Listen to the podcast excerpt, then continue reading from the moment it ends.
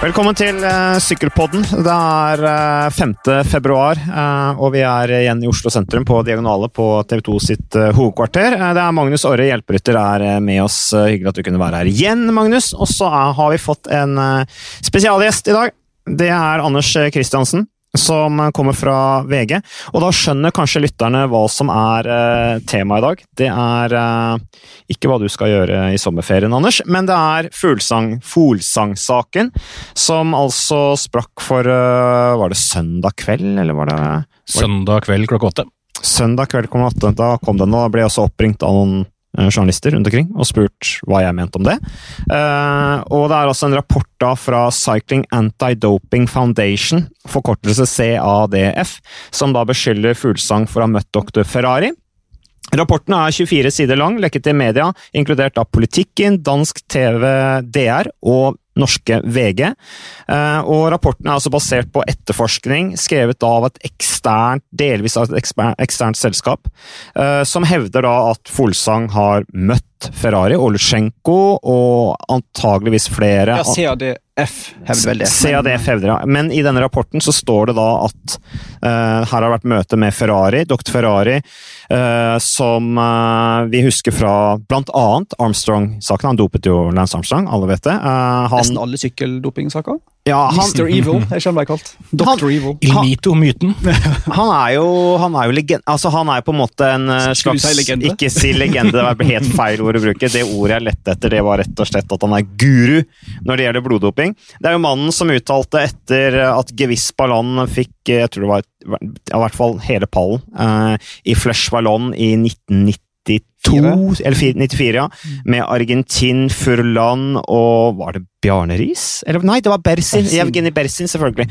Som herjet der, og han uttalte da at ja, Epio EPO det er som appelsinjuice. Det er ikke farlig i det hele tatt. Eh, så det er en mann som har bidratt. Han var for øvrig en av disiplene til dr. Conconi. Eh, Ferrari, som da er bannlyst fra internasjonal idrett. Altså Han er utestengt for livstid. Det betyr at en utøver har ikke lov til å ha noe med han å gjøre. Og så er jo det da liksom Hva, hva innebærer det? Du har ikke lov til å motta råd fra han. Uh, du bør ikke jobbe med han. Da er du med en gang under stor mistanke og kan i verste fall utestenges et visst antall år. Nå har vi vel ikke hatt, har vi hatt noen saker med dr. Ferrari hvor han har møtt utøvere etter at han ble bannlyst? Det, nei, men vi har jo hatt denne skiskyttersaken med Tasler, hvor han, ble, hvor han, ble, først dømt i to instanser, og så ble han litt under radaren på media, syns jeg. Eh, faktisk, eh, om ikke frikjent, så ble fall saken droppa. Eh, sånn og det er jo hver gang Dr. Ferrari er i nyhetsbildet og ender i en rettssal, så, så ender det med at han går ut litt sånn pga. tvister i det italienske rettssystemet. Da. Så han, han har gått fri fram til nå, foruten USA-dommen. Ja, for at I Italia så er jo også doping kriminalisert. Altså, De har jo tatt litt tak, var en av de første landene som kom etter Frankrike som på en måte kriminaliserte doping. Men jeg har vel litt sånn inntrykk av at de gjør ikke så mye ut av det. Altså det er jo, er ikke Italia kommer ikke verst ut på WADA sin nye statistikk over dopingsyndere, eller antall mm. dopingsaker. Altså Italia som er for å Beklage til alle som har Italias sympatier, men det er jo en dopingforegangsnasjon som har ironisk nok et veldig sterkt lov Hva heter det? Lover og regler mot nettopp det. da. Men Conconi, Cecchini, Ferrari, miljøet i Ferrara generelt, alle kommer fra Italia. Og klientlista til Ferrari er jo stor, og inneholder jo da en rekke av de beste italienske syklistene.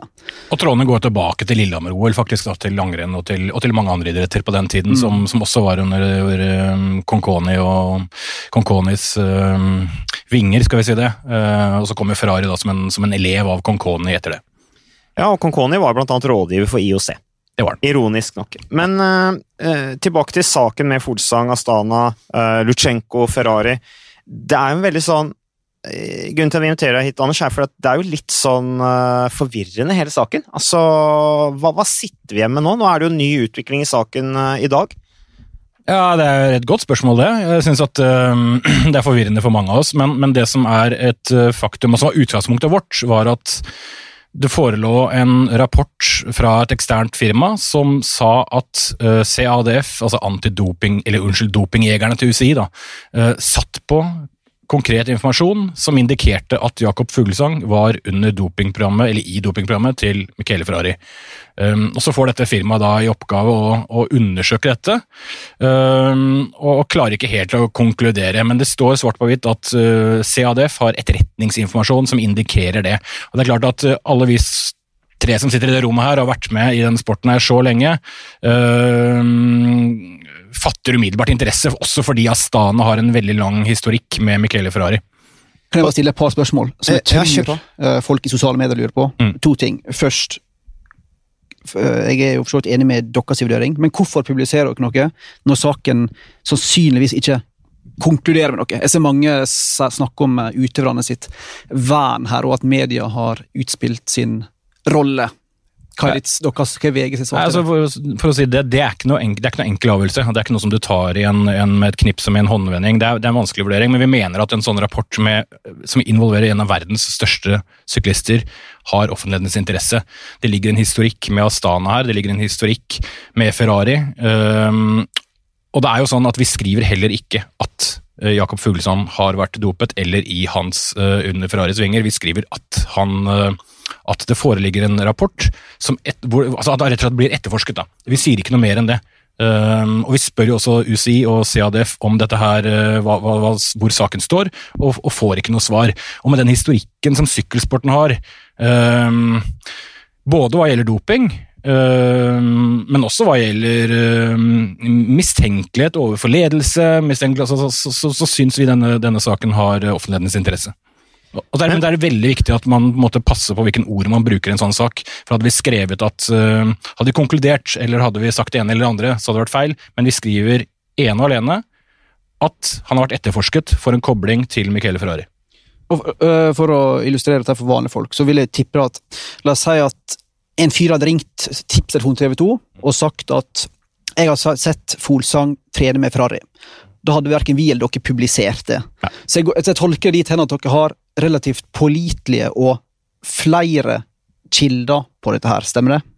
Eh, Det stemmer, Vi har vært i kontakt med flere titalls kilder, og det er jo ikke sånn at alle de sier det samme, men det er jo klart at dette her er noe som én har versert i sykkelmiljøet i lang tid, eh, og to, vi sitter på informasjon om at Kalef skal ha flere kilder på dette her. sånn, Eh, Og så er det sånn at vi må jo da ha respekt for at ikke de har klart å konkludere, og da, da er jo ikke Jakob Fuglesang eh, på noen som helst måte dømt, men, men vi sitter på en rapport som sier at de har hatt etterretningsinformasjon om at han er under vingene til Ferrari. Der står vi.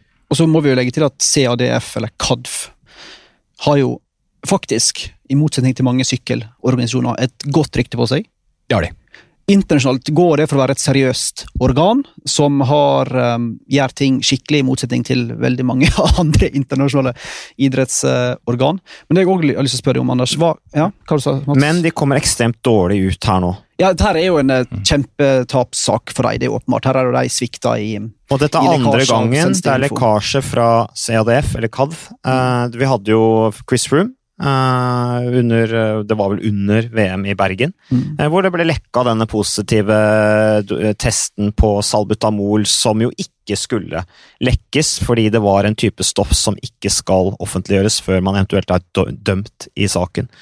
Eh, Så, så det er andre gang at CADF kommer dårlig ut pga. lekkasje. da. Ja, men jeg tenkte også, I, i VG-artiklene og i de danske artiklene så blir det påpekt at uh, KADF uh, er besittelse av uh, intelligence, altså informasjon om at han er inne i dopingprogrammet. Men dere skriver lite om hva Sportradar, altså dette eksterne selskapet, konkluderer med. Hvorfor, eh, hvorfor ikke ta med mer Nei. fra konklusjonen deres, på en måte? Nei, altså det er jo riktig og ikke riktig. Ehm, Det er på en måte ikke riktig på den måten at vi skriver rett ut at ikke de klarer å konkludere eller i den ene eller andre retningen. Mm. Det, det står i saken.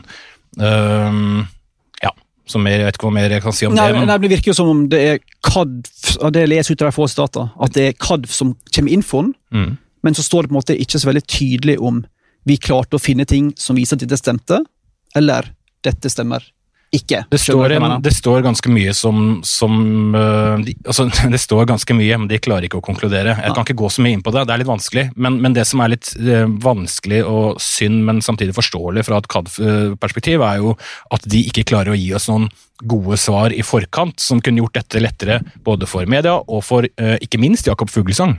Um, men det er klart det er forståelig, men det kommer jo da i dag, da, etter tre dager og etter et voldsomt mediepress. Eh, Så kanskje man kunne vært litt mer proaktiv også. Ja, og så er jo ikke denne rapporten her ment for offentlighetens lys, sånn at det er jo ikke så rart de kanskje ikke er så nøye på akkurat det. Dette her kan jo være en halv, halvferdig arbeid som de egentlig kanskje hadde tanker om å forfølge videre, men så blåser den saken her nå i, i media, og så er jo egentlig hele saken ødelagt, hvis de skulle klare å komme til bunns i noe rundt Ferrari og eventuelt samarbeid med Astana Fuglsang. Ja, for det er som vi har snakka om tidligere, Mats, også om at på en no, noen og du stilte meg et spørsmål om ikke dette kan ødelegge nettforskning, og det er klart at det er også hensyn som er, som er eh, tenkt gjennom og som man har diskutert uh, fram og tilbake. og der har vi da gjentatte ganger kontakta KADF og UCI også, eh, selv om KADF kanskje er den rette instansen her, sånn, eh, og prøvd å opprette en dialog. og Prøvd å på en måte få, få, få de til å si at um, under hånden hjelp oss hvis det er noe dere vil kommunisere, uten å helt uh, nå fram, kan vi vel nå si i ettertid. da. Jeg tolker det sånn at dere da har hatt, vært i besittelse av denne informasjonen relativt lenge? Eh, en stund er det passe vakt. Ja, det, det var men Ja, i litt kontekst. men, men det som er interessant, synes jeg da, er jo at um, Og det som er veldig påfallende, eh, jeg vet ikke om du er enig, Anders, er jo at etter at den første nyhetssaken kom ut på søndag, så har altså flere danske syklister snakker om Magnus Kort Nilsen, og tidligere lagkamerat. Brian Holm, som mange i sykkelsfæren kjenner godt. Og Secret Pro og andre. Veldig mange, inkludert dansker, føler behovet for å si ja, jeg har hørt rykter. De har gått lenge. Og det synes jeg er veldig spesielt. Jeg tenker jo at uh, Vi snakker masse om at stillhetens lov og omertene er over i sykkelsporten. Men når, da, når dansker føler for å si ja, dette kjenner jeg godt til, og vi håper det ikke er noe, så sier det ganske masse om hvor utbredt dette pratet har vært i sykkelsporten. Og Vi husker også i januar i fjor vi skal ikke stole på alt som står på sosiale medier, men da gikk det også rykte om at han trente i helt svart bekledning, og sånn som i god gammel Michael Rasmussen-stil, sånn som mange gjør for å unngå å bli spotta av dopingjegere. Ja, eller det- fordi at de er rett og slett lei av uh, kanskje å bli sett på som World Tour-ryttere og oppmerksomhet fra publikum. Altså, det kan jo være mange grunner til det. Jo, men uh, tradisjonelt så var det å trene i svarte bekledning et, sett på som et triks for å på en måte komme seg unna uh, at folk ikke skulle vite hvor du var hen. Sånn som Mikael Rasmussen, at du trener, at du ikke blir observert, at du er en annen plass enn du har Dette- sagt at du skal være. Dette vet ikke Mats noe om, vet du. Det er det som er Nei, Men det kan men være som Katusha, Ja. da, som hadde egen kleskolleksjon som, eh, som produsentene ville teste ut, som ikke var merka med, med sponsorlogoene. Altså det, det, Jo, men det er noe Katusha merker. klær. Jeg snakker om å trene i helt svart bekledning var jo åpenbart et triks for å komme seg unna før. Eh, bare det at Dansker til og med føler at det er helt innafor å si at vi har hørt rykter lenge, sier noe om hvor godt kjent i denne historien har vært i miljøet. da. Det var åpenbart veldig veldig godt kjent. Uh, Mats kan kanskje si mer om på en måte, hvordan ordet går i feltet. og sånne ting. Det, det skal ikke du og jeg prate om, men det er helt åpenbart at dette har vært, et, dette har vært ordet på gata. ja, altså, man, det, så, sånn, det husker jeg fra tida mi, og det ble jo prata om alt mulig rart. Uh, og man snakker om offentlige hemmeligheter og de tinga der. Eh, så, så det Nå er jo ikke jeg i, i, i miljøet lenger, så nå, nå er jo det litt, litt annerledes. Men, men jeg syns jo det er rart at, eh, liksom, at folk snakker om ja, dette er noe vi har hørt rykter om, om, om lenge. Det, det er jo Ja, det er rart, hele greiene. Hele saken er helt merkelig, syns jeg. Mm. For det er liksom eh, Kan man basere en Og det som er interessant med denne saken her, er jo det som er det som er litt sånn eh, Altså, Dr. Ferrari er utestengt på livstid. Uh, og, og bare det å møte Dr. Ferrari er jo nå nesten på en måte Diskuterer man er det, er det nok til å få en dom? Eh, Ja. Og det er jo det som er spesielt. Ville det Altså, er det nok i å bare ha møtt fyren, sitte ned og prata med en, kanskje fått uh, sitte og prata trening, er det nok til å dømme en utøver?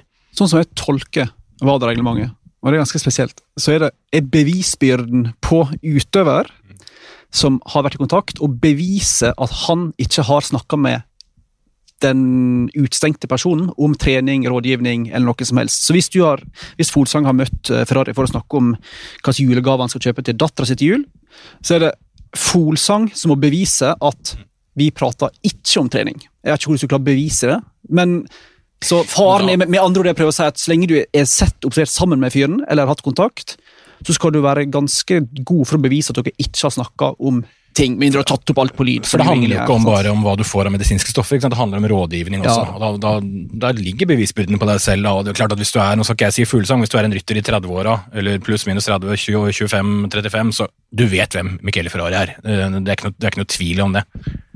Ja, og jeg mener, eh, altså hadde jeg vært Astana-ledelsen og vært aktiv sykkelrytter, så hadde jeg holdt meg unna han. Altså, og jeg ville jo Hvor tjukk i barken ja, altså går jeg det ville jo. Hadde jeg vært Astana-ledelsen og de hadde hørt det, så hadde jeg jo satt meg ned med Folsand sånn her, Du vet hva, det går rykter om at du driver og møter Ferrari. Det, det, det kan vi ikke ha på oss. Du må holde deg unna den fyren der. Du velger sjøl hvilke folk du omgås. Du velger sjøl hvor mye trøbbel du vil ha i livet, men det der, der det bør du ikke Det Han bør du ikke gjort. møte. Det kan hende de gjort. Ja, Jo, men hvor troverdig framstår Astana når de da sender samme svake pressemelding til både Lutsenko og Folsang? Ja, det er et desperat eh, forsøk på Det framstår forsvar. ikke særlig, særlig troverdig. I et lag som da har ansatt en Mikhailov, en lege som har vært i fengsel for organisert doping, som har et, som alle vet, et veldig dårlig rykte i miljøet. Vinokurov. Du kan nevne en haug med navn der. da. De sa i pressemeldingen at de ikke samarbeida med suspicious doctor such as Ferrari. Ja, Eh, men Men de har da, jo Mikhail, de har jo da ja. Mikhailov fra TVM-tiden, Ja. som satt i fengsel i 1998 for distribusjon av, av EPO. Valgte å ansatte sånne leger. Var Så ikke det er han i jo- Katusha? Jo, det var han. Vi spurte jo han Dimitri Fofonov, din tidligere kamerat i Kriavikol, om akkurat han Mikhailov i Tour de France i 2017. Og det skal de ha, Astana. Vi spurte en rekke ulike lag. BMC, som har Massimiliano Testa. eh, Det kun i Quickstep som har Ibarguren og Van Mool. Det er veldig mange tvilsomme leger som har eh, ja, ikke bare tvilsomme, som har eh, dommer innenfor det der. Vi spurte alle lagene hvorfor dere velger å bruke disse legene. Det eneste laget som ikke ga ingen kommentarer og ble sure, det var Astana. For Fonov stilte opp og sa at vi mener at Hvis jeg husker han ordrett At det var en annen tid, og det var sånn at han, han Mikhailov snakket om, da, var på en måte en fyr som fant opp dopingen. Han var bare en som innfant seg i systemet. Så hvis systemet er nytt i dag, så gjør han det på en skikkelig måte. Så kan du tro på det så masse som en, som en vil, da, men laget velger altså å ansette folk som har sittet inne i fengsel for doping. Eh, og så ser vi selvfølgelig at eh, Ferrari går ut og benekter alt. Det er ikke grunn til å tro et ord av det han sier, så den tror jeg bare skal se bort ifra. Det tror jeg vi skal gjøre, for Han sa til og med at ikke han har dopa noen noensinne. Han sagt Al Jazeera i 2012. Og, og, så, sitter- og så kommer da selv Lance Armstrong, som aldri går mot sine egne venner to år etterpå eller et år etterpå, og sier at ne, det er feil. Eh, der ligger troverdigheten til Ferrari. Ja, og, og, og Armstrong er jo sånn som Han vil jo ikke ha noe dobbeltmoral rundt doping. ikke sant? Det er det verste han veit. Han vil helst liksom bare at alle skal si at de har dopa seg maks hele tida. Det liker han best. la meg spørre dere, da. Eh, Er dere overrask... La oss si at Ferrari fortsatt opererer i sykkelsporten. Enten med Folsang eller andre. Er dere eh, som er bevandra i miljøet, er dere overraska over at Ferrari er i sykkelmiljøet fortsatt? Hvis du spør eh, meg, så er jeg litt uh, overraska over det. Fordi at eh, jeg trodde på en måte at bevisstheten rundt eh, reglementet og at en person som er så persona non grata, på en måte sånn utad, da. eh, at man holdt seg unna han. Eh, men eh, at du enkeltutøvere er desperate eh, og, og ønsker hjelp fra han. Han har jo For mange så er han jo en stor mann, ikke sant, som har fått til utrolige ting. Eh, og så har han jo også en, eh, en annen ting som er litt utfordrende med Ferrari, er jo dette her at det er vanskelig for han å jobbe. Nettopp fordi at det er krevende med dagens nyhetsbilder med sosiale medier osv. Så videre, sånn som vi nå ser eksempel på med rykter ikke sant, om møter og sånne ting. Det blir veldig mye støy med han som person. da. Hvis du blir sett med han, så har du trøbbel med en gang hvis dette kommer ut. Eh, Men nå har han jo en sønn som, eh, som jo er, eh, er visstnok skal hjelpe ham litt, og det tror jeg er lurt, i og med at doktor pappaen har gått litt under jorda. At han på en måte kanskje opererer, at det kanskje gjør det lettere for utøvere å få tips og råd og, og hjelp. Sønnen har vært en mellommann i over ti år og på en måte er veldig veldig sentral i nettverket. Jeg er ikke overhodet overraska for å svare på spørsmålet ditt, men det handler også litt om at jeg har øh, kilder på det her sånn, som, som, som kjenner det inngående, som har øh, meget god kunnskap om saken. Jeg skrev allerede i 2014 en sak som heter at øh, som handlet om hvordan han fortsatt opererte. Da. En, en lengre sak i VG. og kildene sier det samme i dag som de sa den gangen, at det er grunn til å tro at Ferrari fortsatt er i full sving. Og det er ganske utrolig. Altså Full sving er jo et, eh, et litt ullent begrep her, sånn for full sving i gamle dager er nok ikke der han er, men at han er i, han er i jobb, da, for å si det Ja, sånn. for, for i gamle dager så var han ute på arenaen Ja. og solte seg i glansen av seierne. Uh, han ble fremhevet som en, eh, en, eh, en, en person som kunne få eh, gjøre esler om til veddeløpshester, nesten, ikke sant? Mm. Uh, uh, og, og han var en eh, naturlig del av alle serier, ja, de, de, de som virkelig gjorde det bra, da. Eh, Det var prestisje å jobbe med Ferrari. Sånn var det jo i gamle dager. Sånn er det ikke lenger nå. Nei, men Det skiftet jo en eller annen gang mens Lance holdt på. da, fordi Han, øh, han, var, han sier jo i pressemeldingen i går at han ikke har vært på et løp siden 1994. Uh, ikke sant? Eh, Men så var det også sånn når Lance og Frank Andrew møtte Ferrari ved en anledning utenfor Milano, så skjedde jo det i en sånn van, hvor de sitter bak i bilen og, og nær sagt doper seg eller dealer. Um, Sånn at det skjedde et eller annet rundt eh, 2000-ish, pluss minus, eh, som gjorde at Lance også måtte distansere seg mer. Og, og det blei vanskeligere og vanskeligere, da. Og sånn har det vel bare utvikla seg fram til i dag. Ja, men jeg husker jeg hadde jo en lagkamerat som Soul Racing, som mm. trente mye i området rundt uh, Nis. Ødela seg jo helt forferdelig under Cirkel Blazart, mm. uh, og, og kunne jo ikke sykle mer etter det.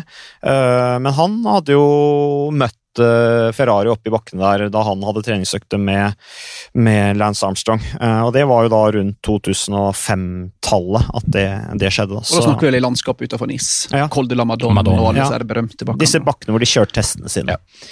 Og så er jo Ferrari altså Vi må jo si Én ting er at eh, lovverket i sykkelsporten og i internasjonal idrett er såpass svakt at du kan vri deg unna dom ofte. Men når du jobber med beviselig så mange, altså flere titalls utøvere, det er ingen som er i tvil om at han har jobba med dem, men likevel kun har blitt dømt for arbeidet med, med Lance Armstrong, så er du ganske god på jeg håper si, å, å, å gå under jorda, altså. Han er ganske proff i måten vil jeg anta, måten du bruker mellom folk, mobiltelefoner, kvitte seg med bevis. Altså, Han er, opererer jo som en Ah, detektiv Han er, måte, han er ikke til stede på sosiale medier. Han bruker mellommenn når han skal kommunisere med folk. Han har en selskap, Angino, får vi sitere de som kan dette, og italiensk politi, ikke minst. Han bruker stråselskaper i utlandet som ender tilbake på en konto i Sveits, som det ender med at kanskje har en forbindelse til Ferrari som sønnen. Altså, det er utrolig intrikat, dette systemet her. sånn. Um, Ja, og jeg har også hørt at han har hatt på en måte en del av pakka hans har vært også hjelp hvis du skulle teste positivt. Altså juridisk hjelp, juridisk bistand hvis du skulle teste positivt. Har jeg hørt at var en del av pakka, da. Ja, Det var jo oppe i, oppe i media for noen år siden. Um, og Jeg har også hørt det, men jeg vet ikke noe mer om det enn det du da åpenbart også har hørt. Nei, så vi har hørt diverse ting. men, eh, men dette her er jo ekstremt Altså, det er jo ekstremt belastende for Jakob Fuglsang. Mm. Uh, og han har jo hatt en, eh, en fantastisk sesong i 2019. Uh, han, uh, på disse ulike rankinglistene og så videre, så har han jo på en måte dobla poengene sine. Rangert som nummer tre i verden. Uh, endelig vunnet etappe i et treukersritt. Det kom seint, men godt i Spania, rundt uh, Liège-Bastogne-Liège. Etapperittene han vant. Han var en av favorittene til å vinne Tour de France også, i hvert fall en, en pallkandidat der, heter han, han velta. Uh, og så blir dette her da satt i, i, i sammenheng med, med denne saken her, så det er jo ekstremt skadelig for Folsang. Hva, hva tenker dere om veien videre for han nå? Jeg tenker jo at, at ryktet hans er besudla for alltid. Du, du kommer på en måte ikke utenom en Ferrari-link i 2020 når du er syklist. altså. Har du fått den klistra på deg, så den blir ikke han kvitt. Og i og med at det der hoppet i prestasjon var så enormt, og var forklart litt med et litt større karbohydratinntak og litt forskjellige sittestillinger og sånt, som jeg tror veldig få uh, tror på, så tror jeg det ryktet hans er ødelagt. Og Lutsenko sitt rykte eh, Han er jo protesjeen til Vinokurov, og bare der så, så har du et kredibilitetsproblem. Ufortjent eller ikke, men jeg tenker at ryktet til begge to er ganske ødelagt, så det blir utrolig interessant å se hva de leverer når de begynner å konkurrere sånn i midten, slutten av februar, begge to. Så må ikke glemme i konteksten som er Astana her, da, som ikke gjør det noe enklere for dem å, på en måte, å, å forsvare seg. Eh, Men, men bare én ting, Magnus. Altså, det er jo ikke noe sjokk at Jakob Folsang gjør det bedre i 2019. Altså, han har vært, han har vært proff i worldtouren da siden eh, 2007, er det vel? Eh, og eh, kjørte sin første treukerstor i 2009. Han har en syvendeplass fra Tour de France i 2013. Eh, han har en tolvteplass fra Tour de France i 2018. Altså, han har jo ligget på et jevnt høyt nivå lenge. At han har en sesong hvor ting klaffer, det kan jo skje. Men jeg husker vi snakka om i Tour de France i sommer, både på, ja, på TV for så vidt, men òg i, i journalistmiljøet, om at Folsang har vært i eksepsjonelt god form eksepsjonelt lenge. Fra februar til og med oktober. Det var et samtaletema. Uh, og så er prestasjonen såpass Jeg mener at det er et veldig stort hopp fra tidlig. Han har vært jeg vil si, topp 50-60 syklister i verden i mange år, til å plutselig være nummer to eller tre, kanskje. Han var nummer tre på den UCI-rankingen. Og Lutsenko, det samme, han er jo veldig god i perioder, og så er han svak i andre perioder. Eh, det kan være Det er ikke ment som en slags eh, det betyr at han er dopa. Det kan være mange grunner til det. Nei, Han er et fantastisk talent. U23, ja, verdensmester, blant annet. Men, men, det varierer veldig. Uh, og Nå mista jeg litt tråden på hva, hva, poenget mitt egentlig var. Nei, det er vel men, det der at vi var inne på at ja, de har hatt en veldig god sesong i 2019. Ja, og det har vært et tema i journalistmiljøet at det har vært såpass uh, stort uh, hopp. Men apropos journalistmiljøet, så må jeg jo si, uten å angripe dine medsammensoninger i politikken, og det er at jeg stusser jo på måten danske medier reagerer på sånne saker. At de ikke rykker ned til altså Folsanger har vært på famøse, eller berømte, alt det som, Teidevulkanen i Tenerife. At ikke folk må ta rykkene dit med en gang. Fått en kommentar. Vi har ikke sett noe av det. Jeg vet ikke om du har på hvorfor danskene har vært Uh, meget forsiktig i forhold til det VG og TV 2 ville vært hvis det var Kristoff eller Boasen Det kan nok hende det siste du sier, men jeg er veldig forsiktig med å uttale meg på vegne av politikken og det er her, sånn, altså jeg tror de skal få lov til å gjøre Nei, vi har jo, Vi har dansk TV 2, stor sykkelkanal, Ekstrablad. Det er veldig mange. Sykkelsporten er jo stor i Danmark. Mm. Hvis den er stor i Norge, så er den i alle fall stor i Danmark. Og at ikke de har vært mer over denne saken her, at ikke ekspertene har uttalt seg i større grad, syns jeg er påfallende. Jeg vet ikke om dere er enig. Jeg vet ikke, jeg vet i hvert fall, unnskyld, Mats, at, at uh, både Astana Jakob Fuglesang og Lutsjenko har fått god mulighet til å uttale seg. Det er det mm. viktigste, uh, åpenbart, for meg. Og så får jo de svare for seg selv, og så kan Mats ta over. Nei, altså, Jeg syns det var interessant å høre hva du sa, Anders, men, uh, men jeg tenker vel at alle er like forvirra av hva den saken her egentlig er. Jeg tror det er grunnen til at ikke så mange har uttalt seg så mye, egentlig. At de ikke har sendt folk ned for å prøve å intervjue de, det, det vet jeg ikke. Det er jeg helt enig i. Der ville sannsynligvis norske medier vært mye med på, reist ned og satt mikrofonen opp i ansiktet og fått en uttalelse fra dem. Eh, men kanskje de bare skjønner at her nytter det ikke, og, og, at de bare går i skjul og det kommer ikke til å få noen kommentar. Jeg vet ikke hva de tenker, men, men jeg tror at folk flest syns at den saken her er veldig forvirrende. Altså, ja, det er alvorlig at de har møtt Ferrari, men hva innebærer egentlig? Kan man indikere noe mer enn at man bare har møtt han? Altså, er det, er, det, er det, nok at man har møtt han? Er det nok bevis til at han skal kunne få en dom? Uh, hva mer har man av bevis i den saken? Er den fulgt opp med noe eh, spesielt eh, analysearbeid relatert til dopingprøvene deres? Har man noe på blodpasset deres? Altså, hvor, hvor, hva, hva, har man av bevis i den saken her, basert på det som kommer fram? Og Der tror jeg folk bare er et stort spørsmålstegn. Godt hende folk er forvirra, men jeg tenker jo at det ikke er så komplisert. det da. Du har et stort og relativt pålitelig antidopingorgan som har fått såpass masse info om meget tvilsom og regelstridig oppførsel at de ber et eksternt selskap utrede det. Det er kjempealvorlig og ikke så veldig komplisert, tenker jeg egentlig. da. Nei, men så har jo de da eh, Sportsradar, dette eksterne mm. selskapet som for øvrig er starta i Norge av to nordmenn. Eh, de har jo da prøvd å, å, finne ut av noe, og så Det som skjer, er jo at denne saken blir lekka. Det er jo det som er problemet. Altså, Det kan jo godt tenkes at denne saken var ikke ment for offentlighetens lys uansett. Eh, sånn at eh, det, det var jo egentlig ikke noe sak. Dette her er en dette er undersøkelser de helt sikkert hadde tenkt å følge opp videre utover, vil jeg anta. Og, og, Nå sies det jo at saken er over, men de vil jo selvfølgelig fortsette å følge med. Det er jo antidopingarbeidets uh, rolle. Uh, og, og, det kan godt tenkes at uh, Fuglsang vil oppleve at han blir testa mye oftere, f.eks. utenfor konkurranse, at han er høyt oppe på prioriteringslista. Sånne ting, så, så, saken er jo ikke Det er jo aldri dødt.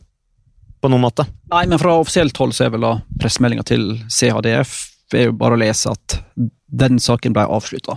Ja, du kan tolke det sånn. Ja, det, det, kan jeg være enig Det kan leses sånn, ja. men det står ikke det. Nei, men det står at de har ikke gjort noe mer med infoen Det står at de ikke hadde grunnlag til å be UCI om å åpne en disiplinærsak. Ja. Um, ja. Mm.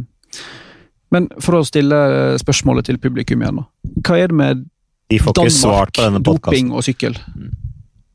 Hva er det for noe med Danmark, doping og sykkel? Ja. Nei, altså I en tid der Bjarne Ristad, som mange har fått med seg, er tilbake igjen i, sjefsrollen på et uh, stort sykkellag. Spør du meg, så er det jo det at eh, Danmark har jo alltid vært en stor sykkelnasjon, for de er tett knytta til kontinentet, og da har de vært en del av, eh, av eh, en den, har, Men samtidig som de har vært en, en, stor sykkelnasjon, så har de også vært en del av en belastet kultur, og det har jo da selvfølgelig hengt med mange av de store idrettsstjernene i landet der, som naturligvis har blitt store stjerner fordi at sykkel er en stor idrett i Danmark. Og så smeller dette her, og så har du folk som Bjarne Riis, for eksempel, som jo føler skyldigvis at han har en plass i sykkelsporten ennå. Han, han, brenner for det ennå. Han har lyst til å være med og styre. Han har lyst til å markere seg. Nå er det eh, Tour de France i, i Danmark neste år osv. Han, han, han ønsker å ha en plass i sentrum i det. Uh, og da er det veldig delt. Uh, jeg vet jo at en del uh, publikummere fra Danmark og, og, sier at ja, dere i Norge er så veldig opptatt av doping, men jeg har inntrykk av at det er en del danske publikummere som er veldig opptatt av doping også. Og, og, og, man sier at nordmenn er spesielt skeptiske, men jeg har noe inntrykk av at det er masse dansker som også er veldig skeptiske. så, men, men ja, det var ikke spørsmålet mitt. Er det en kulturforskjell her? Danmark jo en, har jo en helt annen sykkelkultur fra, fra, gamle dager, og da har de jo vært i langt, tror jeg, da. De må forholde seg til den kulturen som har vært i sykkelsporten. Som du, du, du, kunne ikke velge noe annet. Må, det er litt sånn som Du kan være med, eller du kan gå hjem og gjøre noe helt annet.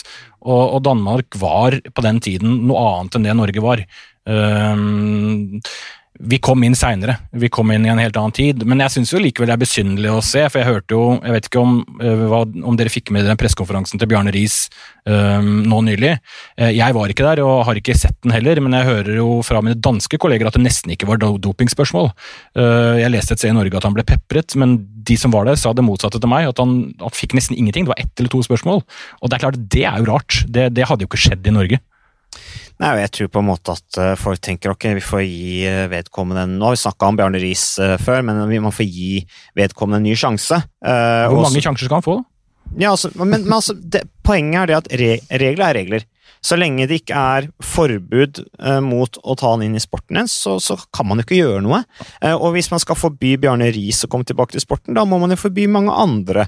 Mikhailov er nevnt her, ikke sant, som er lege. Da må man jo ta tak i alle de, da, og sporten trenger jo de ressursene. Når Bjarne Riis kommer med sin forretningsmannen sin, eh, jeg husker ikke navnet på han, og Seier er det vel han heter, og en svær pengesekk som han ønsker å drive sykkellag med, så er det klart sykkelsporten trenger jo folk som kan drive sykkelsport sporten, og han er en av de, da. Jeg er helt enig, og jeg syns at det regelverket her er jo kanskje problemet, men jeg, det er ikke noe regelverk som stopper Bjarne Riise. Da, da skal han få lov til å komme tilbake. Men jeg tror mange ikke skjønner regelverket, da. For det sitter en fyr i USA som ingen har behov for å snakke veldig pent om hva gjelder moral, men som hvorfor er han livstidsutstengt, men han som syklet og vant Tour de France også på doping, kom tilbake og ifølge en rapport fra Antidoping Danmark beviselig visste at sine egne ryttere da var dopa. Som lagleder Altså Han gjør den samme feilen både to, og tre og fire ganger. Han får lov til å komme tilbake. Så Den, den røde tråden den tror jeg folk der ute sliter med å se, og den ser jeg sjøl, uten at jeg nødvendigvis tar stilling til det ene eller andre. For akkurat det du nevner er et moment som jeg føler folk har glemt litt i RIS-debatten. Én ting er at han har dopa seg som utøver, og da må han få lov til å komme seg tilbake. Men når du leser den rapporten som nevner fra Antirop i Danmark, og konklusjonen der var at han var, visste om og tillot et organisert dopingprogram når han var lagsjef. Jeg er enig i at regelverket tilsier at uh, når du er tatt for doping, som utøver, så har du rett til å komme tilbake når utestengelsen er over. Men i hva grad har du rett til å returnere til en lagsjefjobb der du Det er et annet moment, der du har tidligere fasilitert doping. Det føler jeg har forsvunnet litt, for jeg tror alle er enige om at du skal få, så lenge du har, opp, ut, si, uh, så lenge du har oppfylt utestengelseskravene og vært ute i fire år, eller hvor mange år det er, så skal du komme tilbake igjen. Men det er jo Selv om den rapporten vi snakker om fra Antidoping Danmark ikke fikk noen eh, følge. Det var gitt en slags immunitet, om jeg eh, forsto det rett på den tida den kom ut. Så, så, er det jo helt tydelig at han var klar over organisert doping på sitt eget lag. Og er du da skikka til å lede et sykkellag i 2020? Uh, det skal ikke jeg svare på, men dere skjønner vel hvor jeg vil, ja. men dette her, dette, dette her, handler jo om et manglende regelverk, ikke sant? Uh, og at antidoping arbeidet i idretten, antidopingregelverk i idretten, ikke har vært spesielt modent. Da. Det er under utvikling. det er eh, vi må huske på at idrett var i utgangspunktet amatørskap, eh, basert på idealisme, og så har det på en måte vokst en Basert sånn, på doping fra første stund. Ja, altså, det har vokst en svulst da, i sykkelsport, så man bare blir større og større og større. Eh, og så er det jo fremdeles en kjempe kjempedebatt om kontrollen over antidopingarbeidet i internasjonal idrett. Vi vet det. Og jo, man må jo sannsynligvis gjøre idrett mye mer sånn som det er i næringslivet. Altså Hvis du har gått konkurs et visst antall ganger, hvis du har ikke levert regnskaper og revisor ikke har gjort jobben sin, og sånne ting, så får du rett og slett ikke lov til å drive næringsvirksomhet lenger. ikke sant? Sånne regler finnes jo i næringslivet. Eh, og det må kanskje etter hvert komme sakte, men sikkert på plass i idretten også. At sorry, men de bruddene du er de, de, de, eh, Sånn som du har eh, drevet sykkellag, eller sånn som du har drevet som idrettsleder, du, du, kan ikke, du, kan ikke, komme tilbake. Det går bare ikke, dessverre. Og, det, og regelverket er, er ikke der i dag, dessverre. Nei, og Så lenge idretten selv sitter og passer på, så kommer kanskje regelverket heller aldri til å bli sånn. og Der er det jo en kamp i sykkelsporten akkurat nå, faktisk. I internasjonal idrett er det der. Ja, i internasjonal idrett så er det der, men det er veldig nært nå i CADF, da, som, som UCI ønsker å legge ned, faktisk. Ja. Um, men, men, for sykkelsportens del så er det jo sånn at en hel, en hel generasjon, eller tre generasjoner, var jo en del av denne suppa her, sånn, sånn at man ville fått et rent praktisk problem hvis man skulle gjennomført det. Men jeg, jeg følger det hele veien. Men uh, da er vi for så, vidt, for, for så, vidt over til neste punkt, uh, Anders, når du først sier det. Uh, for det er litt interessant her også. kontrollen over antidopingarbeidet. Nå er det jo akkurat beslutta eller har vært sannsynligvis beslutta for lenge siden. Dette er politikk. At CADF, som vi allerede har snakka mye om, som har fått mye kred, som du sier, Magnus, fordi at det er et uavhengig antidopingorgan skilt fra Det internasjonale sykkelforbundet, og sitter riktignok i samme lokaler, da som Internasjonalt Sykkelforbundet. Uh, og Det kan man si en svakhet. Det var en diskusjon også om Antidoping i Norge. ikke sant? De sitter jo også oppe på, på Ullevål, uh, tett på, på idretten. Uh, men, men allikevel så trekkes CADF, som, CADF som, opp som et godt eksempel på hvordan antidopingarbeid skal gjøre. Sykkel har fått skryt av uavhengige antidopingeksperter som Rune Solheim, eksempel, som har trukket fram sykkel. Men nå skal det legges ned, eller skal ikke nødvendigvis legges ned, men det skal tas inn i noe som heter ITA, International Testing Authority, som er et initiativ fra IOC. Uh, og er det Tidligere kjent som Independent Testing Authority. Ja, De fikk jo ikke lov til å kalle seg det av sveitsisk rett. Fordi at independent, det, jo, det var jo helt på tynn. Det er rett og slett frekt å kalle det når det er et, når det er et direkte initiativ fra IOC, etter min mening. da. Så, ja, det, er jo, det sitter jo IOC, Richie Bitty sitter f.eks. i styret der. Uh, så det er jo IOC eh, folk sentralt plassert i et ganske lite styre. Ja, og da er spørsmålet er det Jeg må si jeg er skeptisk, da. Det er det. Uh, jeg syns det er uh, synd. Jeg synes, mener det er feil vei å gå. Jeg mener at uh, sykkelsport nå lar seg bruke av IOC for å svekke WADA. Det, det, er min mening. Kan tenke seg helt på jordet, men det er min umiddelbare tanke. da, At egentlig, og det, Der støtter jeg på en måte eh, tidligere visepresident i WADA Norske Helleland, eh, som vi også har hatt på podkasten her, at vi trenger kanskje et, vi trenger heller et sterkere WADA, ikke et svakere WADA. Med, med, med det så mener jo hun altså et, et WADA-styre uten representanter fra idretten. da, At det er veien å gå. Da, da, snakker man jo uavhengig, for det må skilles. Du kan ikke kontrollere og promotere deg selv, etter Bukken og havresekken som man snakka mye om.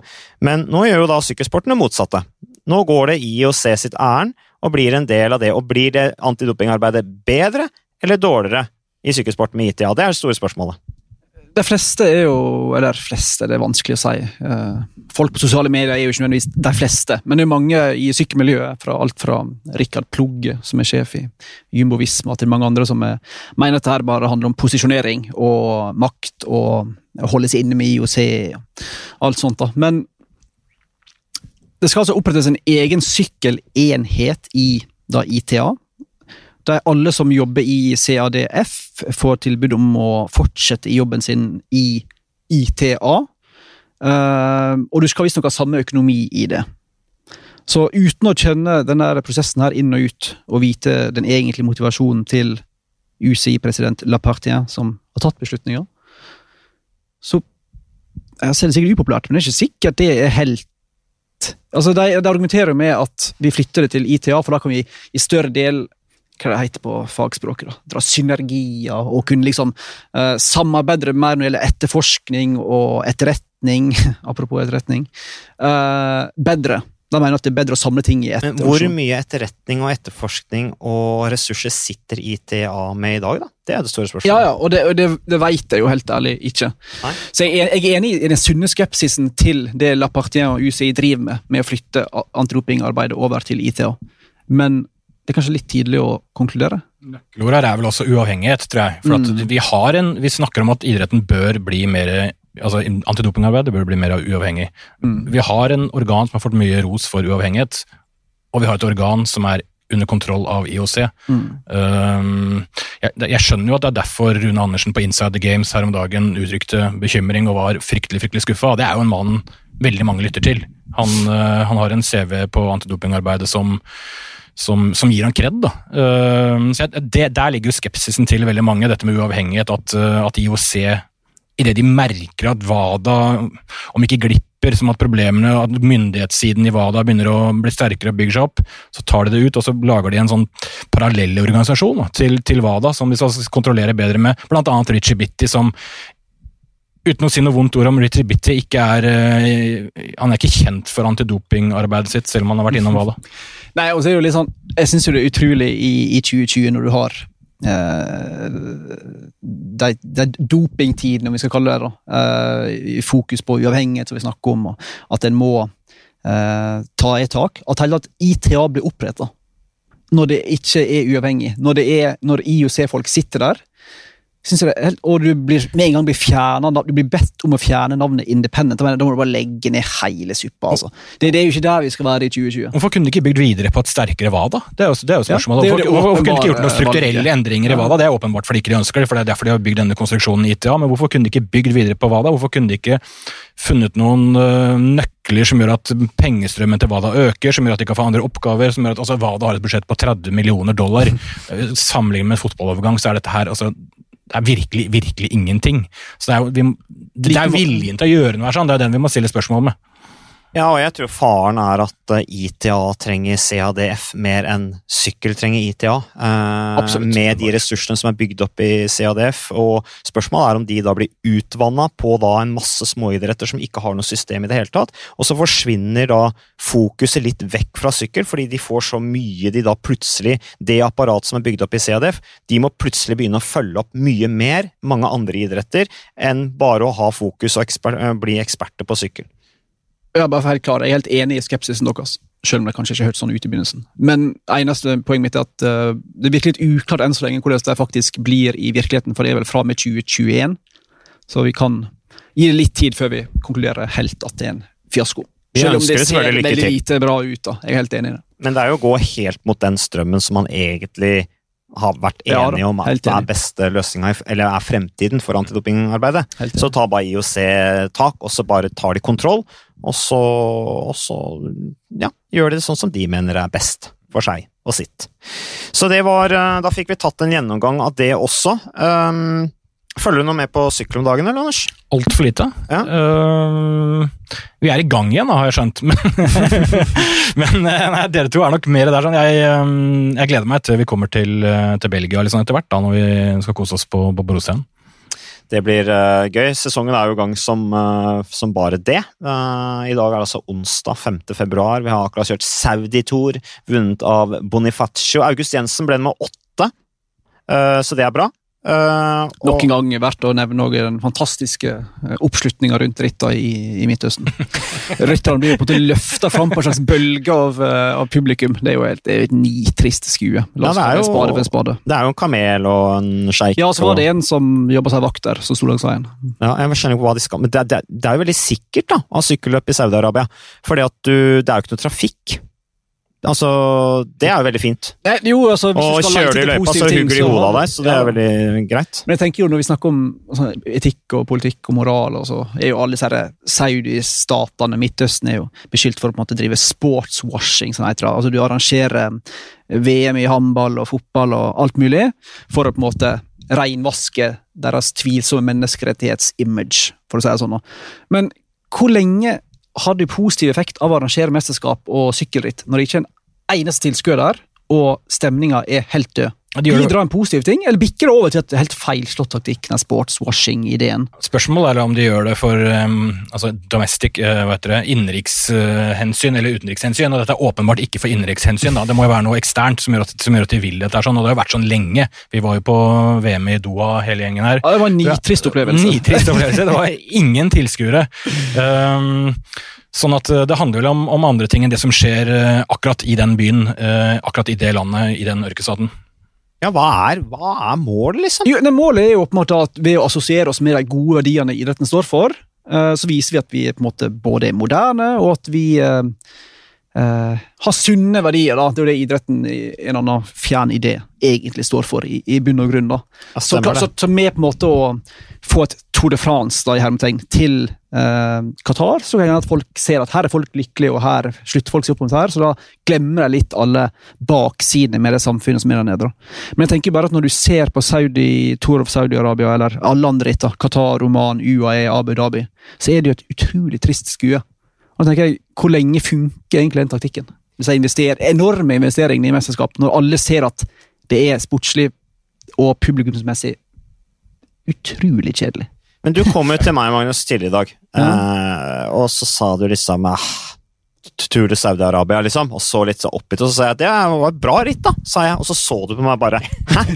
Kødder du, eller? Bra ritt? Og så ja, sånn teknisk sett så er det et bra ritt, for du har jo sidevind. Jo, men det er ikke der å si fortjenester. Det, Det er jo. Ja, men de Gøy hadde jo i Tour og Qatar også. Det var jo ikke veldig morsomt å se på Tour og Qatar i den tiden, når det pågikk, var det det? Jo, altså, jeg har kommentert Tour og Qatar, eh, og jeg synes Ja, da, det, det betyr ikke at du er Du hadde alle disse nyansene med viftekjøring og mye action. Altså, Hvis du bare ser på det rent tekniske på syklinga, så er det jo gøy. Jo, jo, jo, men mitt, mitt poeng var bare at om den taktikken som disse Midtøsten-statene benytter seg av, egentlig ganske feilslått når alle med to øyne ser at Tour of Saudi-Arabia ikke er det samme som voldta Catalonia. da. Jeg tror, handler, jeg tror det handler om mer enn det du ser. da. Jeg tror Det handler om mer enn den der, det er ikke den nordkoreanske greia hvor alle skal se lykkelige ut som ligger i grunnen her. sånn. Jeg tror det handler mye om hvordan de, eh, hvordan de holder seg inne med Vesten, hvordan de vestliggjør seg sjøl, hvordan de sitter i møter med Putin og Sepp Blatter i sin tid. Nå er det jo Infantino.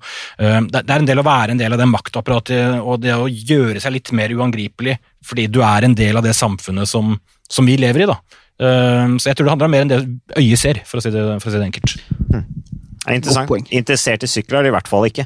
Men eh, jeg tror vi skal, eh, hvis ikke det er noe mer du vil legge til Anders, eh, det var hyggelig at du kunne komme hit på Sykkelpodden. Er det noe du brenner veldig for som du har lyst til å si her, eller?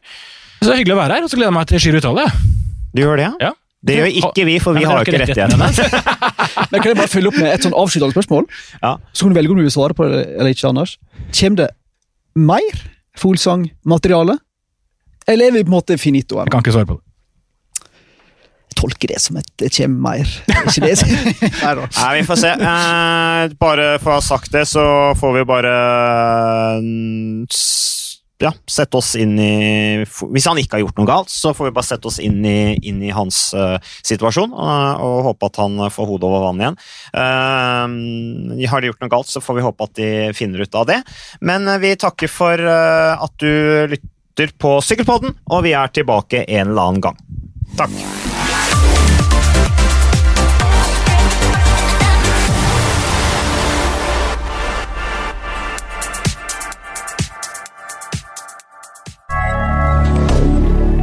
moderne media.